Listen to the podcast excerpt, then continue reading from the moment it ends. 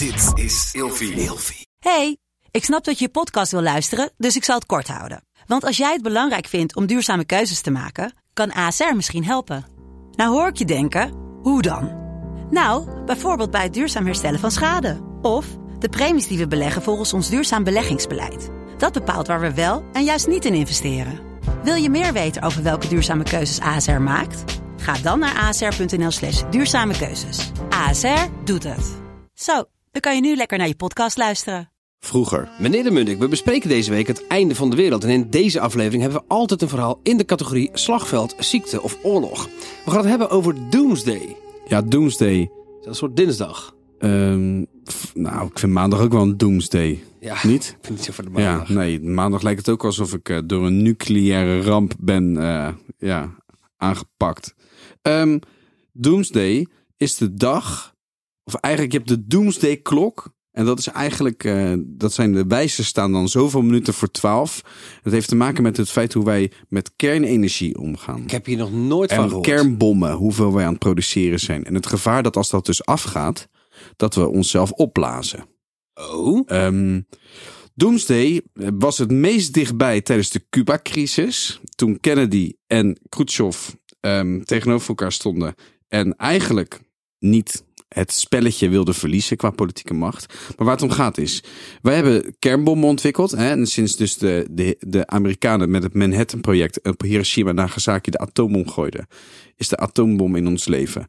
De atoombom heeft zo'n ontzettende kracht dat, en hebben we het al eerder gehad deze week over de meteorietinslagen. Eh, we kunnen het ook nog hebben over vulkaanuitbarstingen. Als we, als, nou, nu naar de, de recente actualiteit kijken, zie je hoe je je mooie villaatje op de Canarische eilanden gewoon volledig wordt verzwolgen Oh, door lavastromen. Ah, heb je geen? nee, kijk ik kijk het nieuws niet. Het wordt tijd dat jij uit dit hol komt een beetje. Ja. maar ehm, dus, wat er gebeurt is dat door vele atoomontploffingen zou dus de atmosfeer weer kunnen veranderen. En krijg je een soort nucleaire fallout. Hè? Nou, daar krijgen we gewoon kanker van door de straling. En al ons eten wordt besmet en alle dieren worden besmet. En zo eh, sterven wij dus uit. Hoe komt dit? Ehm, je had de Sovjet-Unie en de Amerikanen stonden tegenover elkaar tijdens de Koude Oorlog. En wat ze hadden van, ze hadden het systeem, dat noemden ze ehm, de Mutual Assured Destruction. Oftewel, je gaat elkaar gel- gelijktijdig vernietigen. Als jij op de knop drukt en jouw raketten komen mijn kant op, dan vindt mijn radar, je ziet al die raketten in de lucht, dan druk ik ook op de knop en dan gaan mijn raketten jouw kant op. En die zijn En die raketten, die- ja, die, die raketten kruisen elkaar en dan zijn we allebei vernietigd door een nucleaire aanval. En wij zitten er precies tussenin. Wij blijven Ja. leven. Wij blijven leven, maar door dus de nucleaire neerslag. Toen Tsjernobyl ontplofte, waren er zelfs, moesten de koeien in Nederland naar binnen, omdat anders ons gras radioactief werd. Ja, ja, door de ja. regen, een soort zure regen. Ja. Nou, wat er dus gebeurt, is dat, dat door dus die kernontploffingen, ja, vernietigen we onszelf. Einstein heeft ooit gezegd van de derde wereldoorlog wordt uitgevochten met atoomwapens en de vierde wereldoorlog weer met stokken en stenen. Doomsday. Tot morgen. Vroeger.